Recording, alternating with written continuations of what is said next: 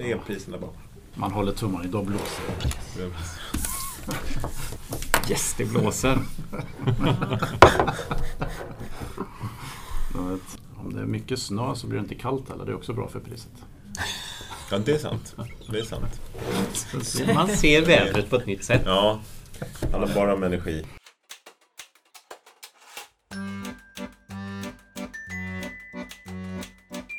Ja, men eh, god morgon allihopa och välkomna till podden om EV säger vi till våra lyssnare. Idag sitter jag tillsammans med övriga redaktionsmedlemmar eh, kring ett frukostbord. Och eh, vi ska väl säga att den här podden som vanligt eh, görs av nyhetsbrevet om EV och eh, finansiär och Energimyndigheten och värd i Swedish Electromobility Center. Eh, Nå, Idag har vi alltså gett varandra ett eh, tidigt julklappsrim var kan man säga. Motsvarigheten till det. Vi har eh, gett varandra frågor eh, och de ska vi försöka besvara och diskutera med varandra. Och vi som är här, förutom jag som heter Mats-Ola Larsson, är Magnus Karlström. Helena Berg. Och Jens Hagman. ja. Då tycker jag Magnus, vi har alltså varsin liten hög med frågor här och Magnus, du kan väl börja och dra din första fråga. Vilka är de största hoten för skapandet av hållbar elektromobilitet i framtiden? Vad gör dig orolig? Vad inger hopp? Ja, det var en bra start. känner jag. Du får svara på allt direkt. Det Jättebra. var, jag får hålla på ett tag här. Ehm, största hoten för skapande av hållbar elektromobilitet. Man kan väl tänka sig att det finns... Jag tror ändå att det är viktigt att det offentliga sätter vissa typer av krav på vilken elektromobilitet vi ska ha och att det finns risker att det går för fort där så att de inte riktigt hinner med liksom, att sätta krav. Exakt vad kraven ska vara och så, det kan vi diskutera men att eh, offentliga styrmedel och så förhåller sig lite till vad man vill ha för något. Så det, och vad inger hopp, det är väl att det faktiskt håller på att hända. Ja, de flesta stater har ju någon position runt detta med olika typer av batteriregler och förhållningsregler runt social hållbarhet och så. Så ja, det var ett tappert försök att Ja. svara på den frågan. Men så du tror att det inte kommer hända, om inte staterna är engagerade och gör rätt regler, då kommer det inte bli bra. Det Ja. ho- Hoten tänkte Ja, jag att det ja. finns en risk att om det bara marknadsekonomi så finns det en risk att det springer iväg åt ett håll som kanske inte är hållbart i längden. Men det vet det. inte jag riktigt. Nej. Men nu, Men det är en risk. en risk, Mm, tack. en risk. Ska jag Okej, öppna ja min, nu är det Helenas tur. Första min lappen. första julklappsfråga? Vilka svenska elfordon borde hamna på ett tekniskt museum i framtiden? Det fanns ju elbilar tidigt 1900-tal som jag tror inte finns på ett tekniskt museum. Eh, Jag vet att Volvo har samlat sina första elfordon från 90-talet på museum. Jag tror andra fordonsföretag gör samma.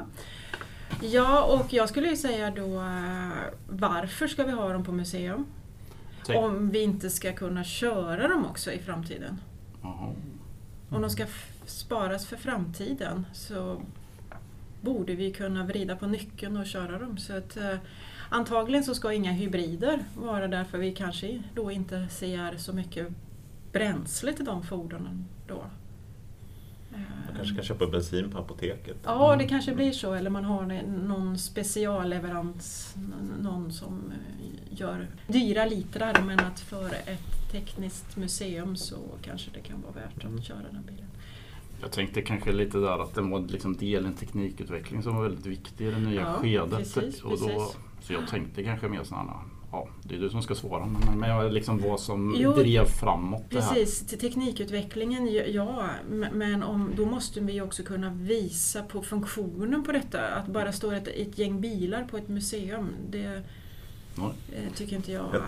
Ja, är det är så. jätte mer värde. Utan de måste ju kunna visa på verkligen funktionen på det. Mm, Jag tror på Mercedes museum nere i Stuttgart. Eller Ja, det det är där, kan, där startar de den här första bilen. Den funkar ju fortfarande.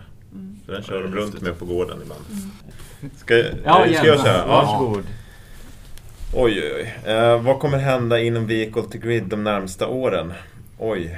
Ja, jag har gjort ett gräv för att försöka förstå det, men jag vet inte om jag har något vettigt svar. Alltså det jag kan säga är väl att det känns som att det kommer hända väldigt mycket. Det är väldigt stort intresse för Vehicle to Grid, eller Vehicle to X som Mm. vi sa då. då. Alltså det är allt från Vehicle to Load, att man kan köra en liten elgrill eller kaffebryggare till hjälpa elnätet. Men ja, jag tycker väl att det händer mycket kul. Och sen så hade vi den här resiliens-serien, så då kändes det som att det fanns en till aspekt för Vehicle to Grid. Just att man kanske får ett säkrare elsystem. Men vad som kommer hända? Ja, jag vet inte om jag vågar säga mer än att det kommer hända mer än nu kanske. Men vilka tjänsteleverantörer, vilka tjänster eller var, var, var växer efterfrågan? Finns det inte någon sån känsla du har för Ja, vi pratade om det tidigare här. börjar samlas? Ja, vi pratade om det tidigare här med bussar verkar vara ett intressant spår. Till exempel i USA så pratar man mycket om skolbussar. Det kanske är en av de första applikationerna. De står stilla på helgerna, de står stilla på sommarloven och julloven och kan användas då som batterilager. Sen är det ju en del forskningsprojekt som pågår. Men det, det känns som att den svåra är ju, och det skrev vi lite om i serien också, det är ju privatpersoner. Mm. När kommer det? Det är ju den stora massan. Mm. Men det kanske är den svåraste aktören att nå också. På något sätt. Mm. Okej, då är det min tur att dra första julklappsrimslappen. Eh, vi har en ny regering och redan har vi sett indraget av bonussystemet. Kommer vi se fler politiska drag under 2023 som på något sätt påverkar svenskarnas intresse för elbilar? Och hur står sig svenska politiska drag gentemot det som sker på EU-nivå? Eftersom bonusen är borta så har vi eh, medan ladd, bidragen till laddinfrastruktur är kvar eh, så frågar man sig om regeringen från politisk nivå har tänkt sig något annat istället för bonus. Och jag har inte hört några sådana signaler. Det behöver ju inte betyda att jag har koll, men jag tror inte det kommer att hända så mycket mer än att det ser ut som det gör nu. Vilket ju i sin tur kommer att innebära att efterfrågan på fler elbilar kommer att sjunka. Eller andelen eh, nysålda elbilar ju säkert kommer att sjunka i Sverige. Eh, och det står sig... Det är ju lite unikt i EU att man går så kraftigt i den här riktningen. Jag har inte hört om särskilt många andra länder som planerar en avtrappning. Eh, när jag skrev om detta senast så var det ju fler länder 2022 än 2021 som hade bonus. Och jag har inte hört att det kommer att förändras på kort sikt. Det är nog min spaning. Vad Men pratar man om, vad säger man om malus då? För när man införde systemet så var ju liksom bonus och malus. Malus Ja. skulle finansiera bonus, men malus är kvar. Malus är det- kvar och mal, malus innebär ju egentligen att ju mer koldioxid en bil eller lätt lastbil släpper ut desto högre blir skatten. Den är ju proportionell Ja. mot utsläppen.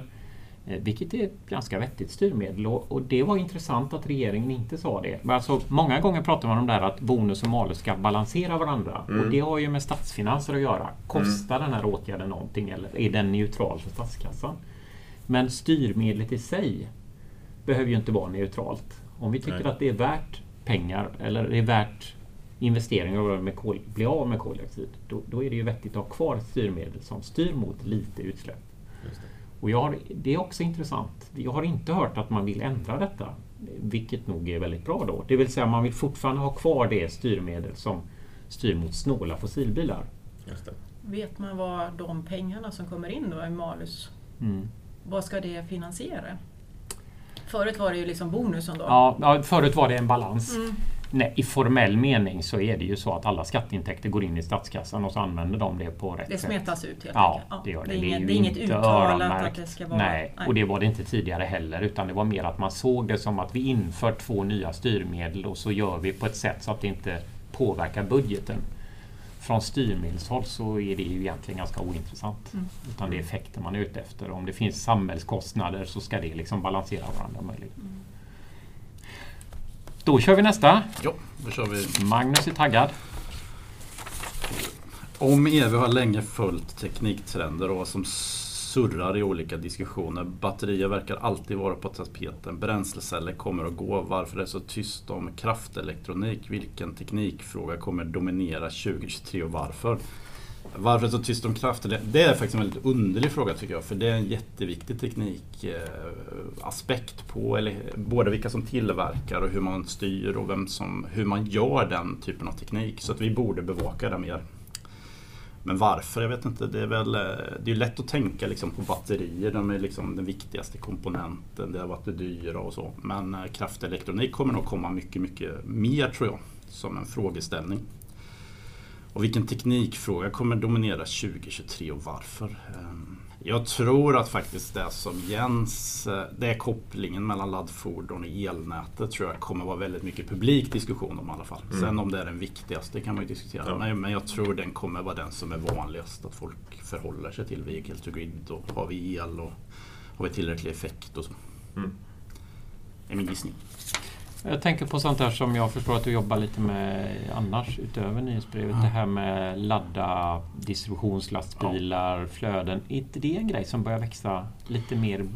Inte bara enstaka forsknings eller utredningsprojekt? Det växer ju jättemycket. Det är lite vad jag tänker med teknik. Så tänker jag mer liksom vad ingenjörer, teknik mm. håller på med. Distributionsfordon och, eller liksom lastbilsfrågan är ju liksom tänker jag mer som att det är en teknik, marknad, ja, aktörsfråga, en liksom helhetssystemsfråga. Så det var därför mentalt. Men, men jag tror den kommer växa och den är ju lite kopplad till det här elnätet och eh, mm. fordonen. För många av de frågor som ligger på personbilar är ju ännu Liksom, det blir mer effekt och större problematik runt lastbilar blir det om det blir mm. mycket effekt. Mm. Så, så det finns ju, så det är absolut att det kommer bli mer och mer om det. När frågorna flyttas lite från komponenterna i fordonet ja. och fordonet i sig till, till elnätet och samhället. Mm. Har vi kommit så långt att vi känner oss nöjda med det som finns i fordonet? Eh, och jo. kunskapsmässigt och så vidare. Att vi ser att vi har kontroll på det. Och det andra är lite okänt och vi inte vet hur vi ska agera. Dieselmotorn hittades på liksom 1820 och vi fortsatte att forska på det ända. Vi håller fortfarande på med det. Så mm. alla komponenter kommer många ingenjörstimmar och forskningstimmar läggas på det här för att fintrimma och göra bättre och så. Men det blir ju mer den här kopplingen mot elnätet, det är ju mer en samhällsfråga så det blir ju många aktörer som ska vara med. Så, så blir den ju liksom mer och mer viktig att prata om. Så tänker jag mer. Mm. Eh, men ibland blir det ju eh, att en del tänker att nu är vi klara med komponenterna så nu behöver vi inte hålla på med det. Det kommer ju inte hända. Det kommer ju liksom vara armader av ingenjörer som går till jobbet och förbättrar elmaskiner och kraftelektronik och batterier länge. Ja, mm. nu får vi höra Helena. Vad är nästa fråga du har fått? Kan höga priser på kritiska råvaror bromsa övergången till eldrift påtagligt? Åtminstone i regioner som inte har tydliga styrmedel som EU. Ja, det är väl lite sådär allmänt tillgång och efterfrågan. Eh, avtal, långsiktiga avtal. Eh, men jag tror att OEMer bör fundera på eh, sitt fordon att optimera det och inte köra på någon allmän trend mm. utan gå på metall råvaror då, det behöver inte bara vara metaller, men att eh, som gör mitt fordon så ekonomiskt försvarbart som möjligt med den prestandan så jag kan sälja någonting. Inte gå på att använda, om vi tar batteriet då, att använda samma batterikemi som den eh, värsta konkurrenten för att jag måste ju ha som den och så vidare. Utan att ta och se till att jag får någonting som är bra. Och då kanske mm. investera i sin egen utveckling av, om vi tar batterier igen då, som många OEM nu börjar gå mot äntligen. Mm. Att man gör sin egen. Mm. Ja, det var ju jag som funderade över den där frågan och då mm. tänkte jag så här att Inom EU har vi styrmedel som så att säga tvingar fram, eh, inte en viss batteriteknik, men elektrifiering åtminstone. Ja, och då, då kommer det ju, ja, så styr det sig så att det, det, blir så billigt som möjligt men det kommer att ske en övergång mot elektrifiering. Men man skulle ju kunna tänka sig med den enorma ökning av efterfrågan till de vanliga komponenterna då, som litium och allt vad det är. Ja att, eh, liksom, där det inte finns den typen av samhälleliga styrmedel, om priset verkligen ökar. För där går ju övergången i andra regioner mera ut på att det blir billigare så mm, småningom mm, att köra med elfordon. Mm. Men om priserna Precis. stiger på komponenter. Mm. Så, ja, det, det, det, är en svår fråga. Ja, okej. Ja, men då har jag åtminstone det- lyckats ställa en ja. fråga. Jag, det känns som en lite osäker grej. Den här positiva, nu kommer tekniken och så. Ja, men Precis. om För- inte för att- prisbilden håller, vad händer då? då? Precis, och att i regioner då som inte har tydliga styrmedel, att som OEM så säljer man inte bara i en region, utan Nej. man vill ju sälja världen Mm, över. Så det gäller ju att anpassa Mm. sig så det passar då även de regioner där det kanske då blir dyrare. Men det skulle kunna tala för lite olika, alltså mer större spridning i batteritekniken? ja, ja, ja, eller? ja det, det tror jag är Ja, en trend okej. vi kommer se. Att Mm. man behöver inte ha samma, Mm. eh, just exakt samma hela tiden. Eh, och att man då gör sin cell som passar till sitt fordon eller sin flora av eh, modeller. Mm. Eller, eller mindre fordon med mindre batterier också för den Ja, ja, delen. För ja, nu har man ju precis. valt på något sätt att göra liksom längre räckvidd för samma pris. Mm. Man hade ju kunnat valt att sänka priserna också. Med, liksom, har, har man ett 20 kilowattimmars batteri så hade du kunnat Mm. haft en ganska billig elbil idag. Precis. Men det finns ju inte. Ja. Ja, men Jens, Ja, nästa fråga. kör jag nästa. Eh, kommer dagens batterielbilar fortsätta öka globalt eller kommer till exempel induktiv batteribyte eller bränsleceller ta upp konkurrensen i vissa regioner? Ja, jag tycker det finns ett intressant spår. Alltså man säger sådär batterielbilar, hur, hur vi jag definiera det. Men jag skrev ju lite om de här räckviddsförlängarna i Kina häromveckan. Det kanske kan vara ett alternativ att man tänker i vissa regioner så kanske det inte är de här rena elbilarna utan det är någon form av räckviddsförlängning. Jag tyckte det var en liten ögonöppnare att skriva om den. Mm. Man får ju ner priserna och kan ha mindre, alltså som vi pratade om på förra frågan, man kan ha ett mindre batteri och sen är frågan vad räckviddsförlängaren ska vara för någonting. Ska det vara en bränslecell till exempel eller ska det vara en, en för, förbränningsmotor som går på biobränslen? Det kanske passar bra i vissa regioner. Så kan det vara. Och att man tittar på hela kostnaden. Då. Ja, precis. Och sen även gå in på resursfrågan då. Mm. Det är- ändå ganska många som pekar på att vi måste tänka lite annorlunda när det kommer till batteristorlekar. Mm. Så det är frågan, hur ska man då få folk att köpa de här bilarna om räckvidden är kort? Kanske Mm. behövs en räckviddsförlängare i vissa fall. I andra fall kanske det räcker med att man har bra laddinfrastruktur. Det är väl Mm. kanske det mest önskvärda. Men det är på något sätt att få, liksom, varför ska man köpa en bil med kort räckvidd? Är det bara priset som behövs eller är det, är det någonting annat? Jo. Batteribytena, det pratar vi inte så mycket om. Men det kommer ju nu i Varberg. Det ska bli kul att följa hur det ser ut Mm. i Sverige. Mm. Det är ju en trend. Så Ja. det är ju roligt att se vad som händer. Men, Bra, då tar jag min eh, andra fråga. Eh, hur kommer djur, parentes husdjur och de vilda djuren påverkas av e-mobilitet? ja, det är bra. Någon har gett mig denna frågan eftersom de känner till att jag, att jag är biolog från början. Och eh, visserligen inte har några husdjur men gillar att titta på vilda djur. Ja, hur kommer de att påverkas? Det var en jättebra fråga. Tänk att jag har tänkt så lite på det. Fast det var jag som, viktig eh, fråga. jag, men det är liksom att det blir ofta fråga om mänsklig hälsa, Ja. liksom luftföroreningar. och så. Men Mm. hur, hur mycket bättre ekosystem får vi om vi får mindre luftföroreningar och buller? Liksom, hur Ja. starkare blir det? Det är en bra fråga. Eller blir det fler påkörda djur för att de inte hör bilen komma?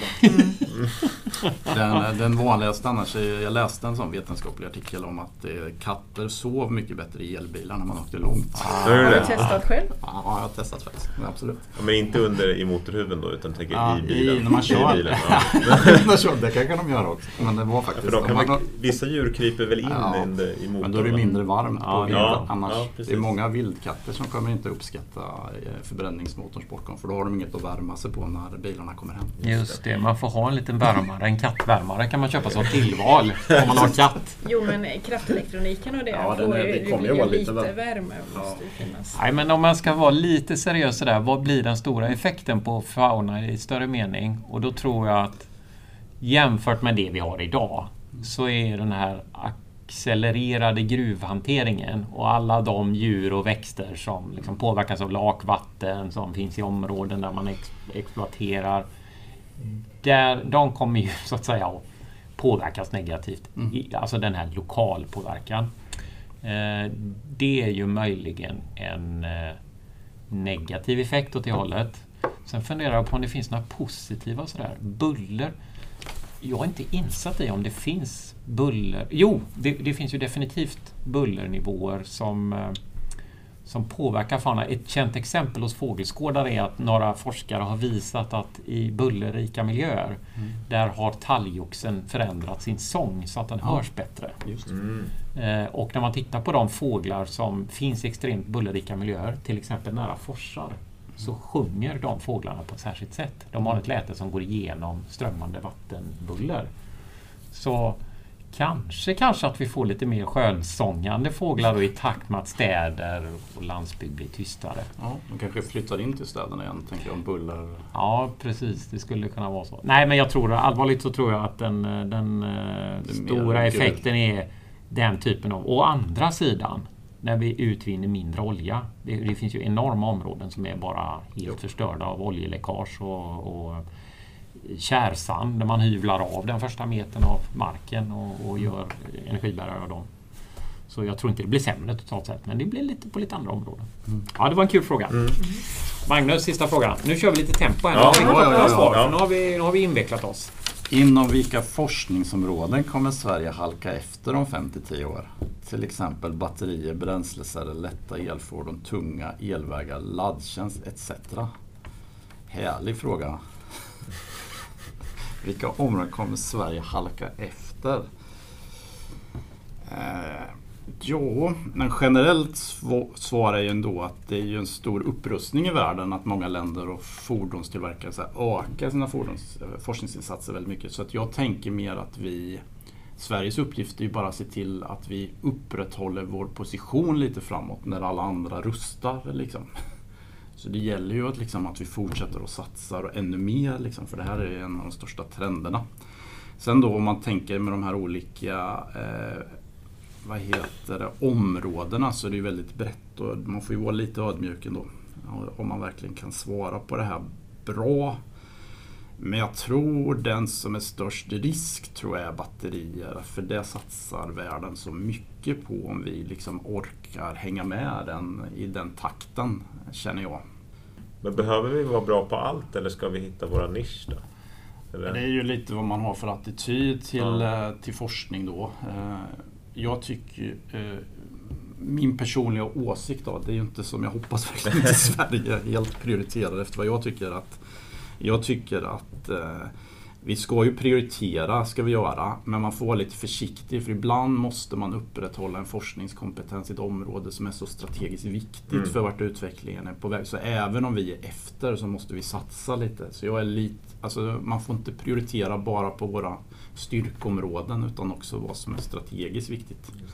Sen, sen är det ju vem ska bestämma vad som är strategiskt viktigt då, men eh, Är inte jag- forskarna bäst på att göra det? Att det finns en viss frihet i forskning. Det är väl det som är Ja, det, forskningen? det tycker jag är viktigt, så grundforskning och så. Ja, jag menar det.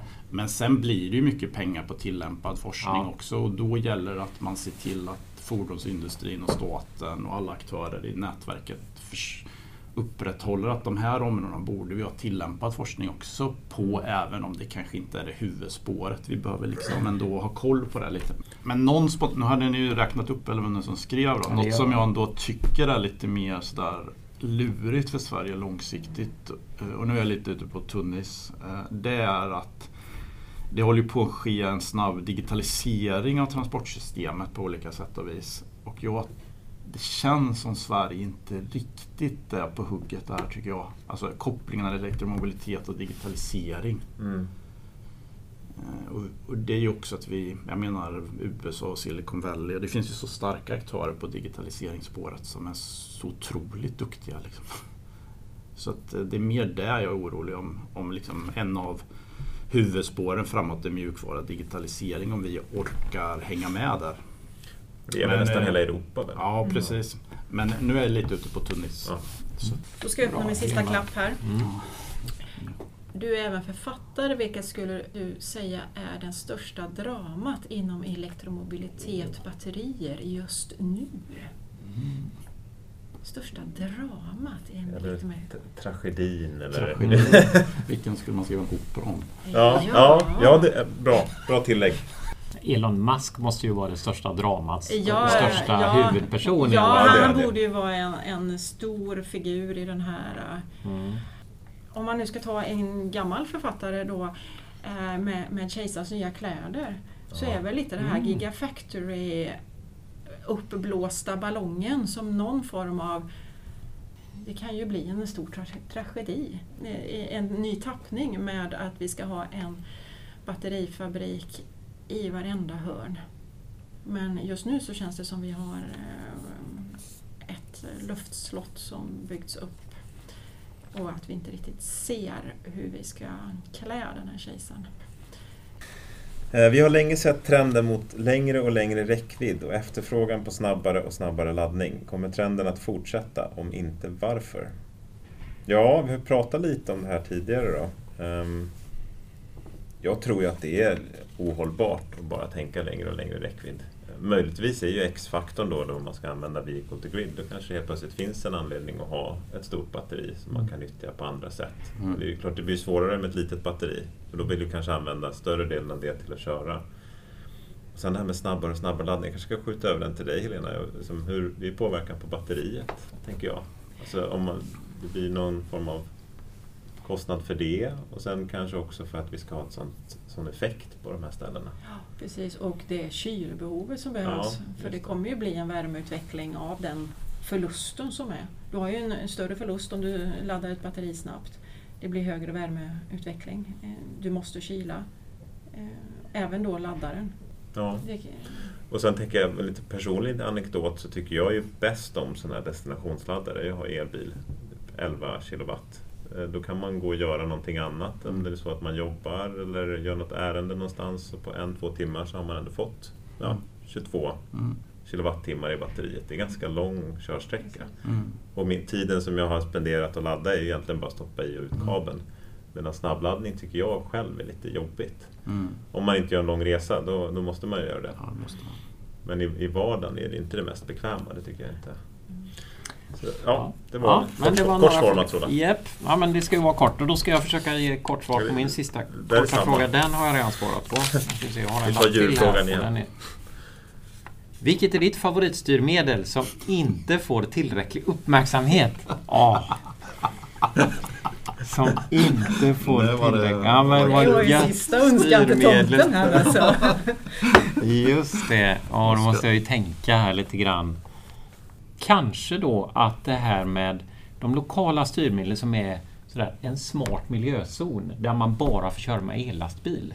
Det kan vara ett exempel på sådana där lite mindre kan anpassas efter de lokala förhållandena, gynna näringslivet, få ringa på vattnet men ställer inte om, behöver inte några stora folkomröstningar. Så det kan vara ett favoritstyrmedel. Kanske lite mer anpassade parkeringsavgifter så att du inte betalar lika mycket när du står mitt för entrén och laddar en elbil utan det kan vara lite billigare att ladda en bit bort så att vi får Mm. plats med kundvagnen eller cykeln eller vad vi nu vill. Typ. Kostar inte så mycket heller kanske att genomföra. Nej, just det. Det är väl lite favorit men, men inte alltid så mycket uppmärksamhet. En mycket prisvärd julklapp. Ja, Kan säga. Black Friday-styrmedel. Men eh, då kanske vi har, vi har hunnit igenom våra frågor. Eh, och vi tyckte alla att det var roligt att ses en stund här idag strax före Verkligen. jul. God jul! god jul! Ja, god jul ja. God jul!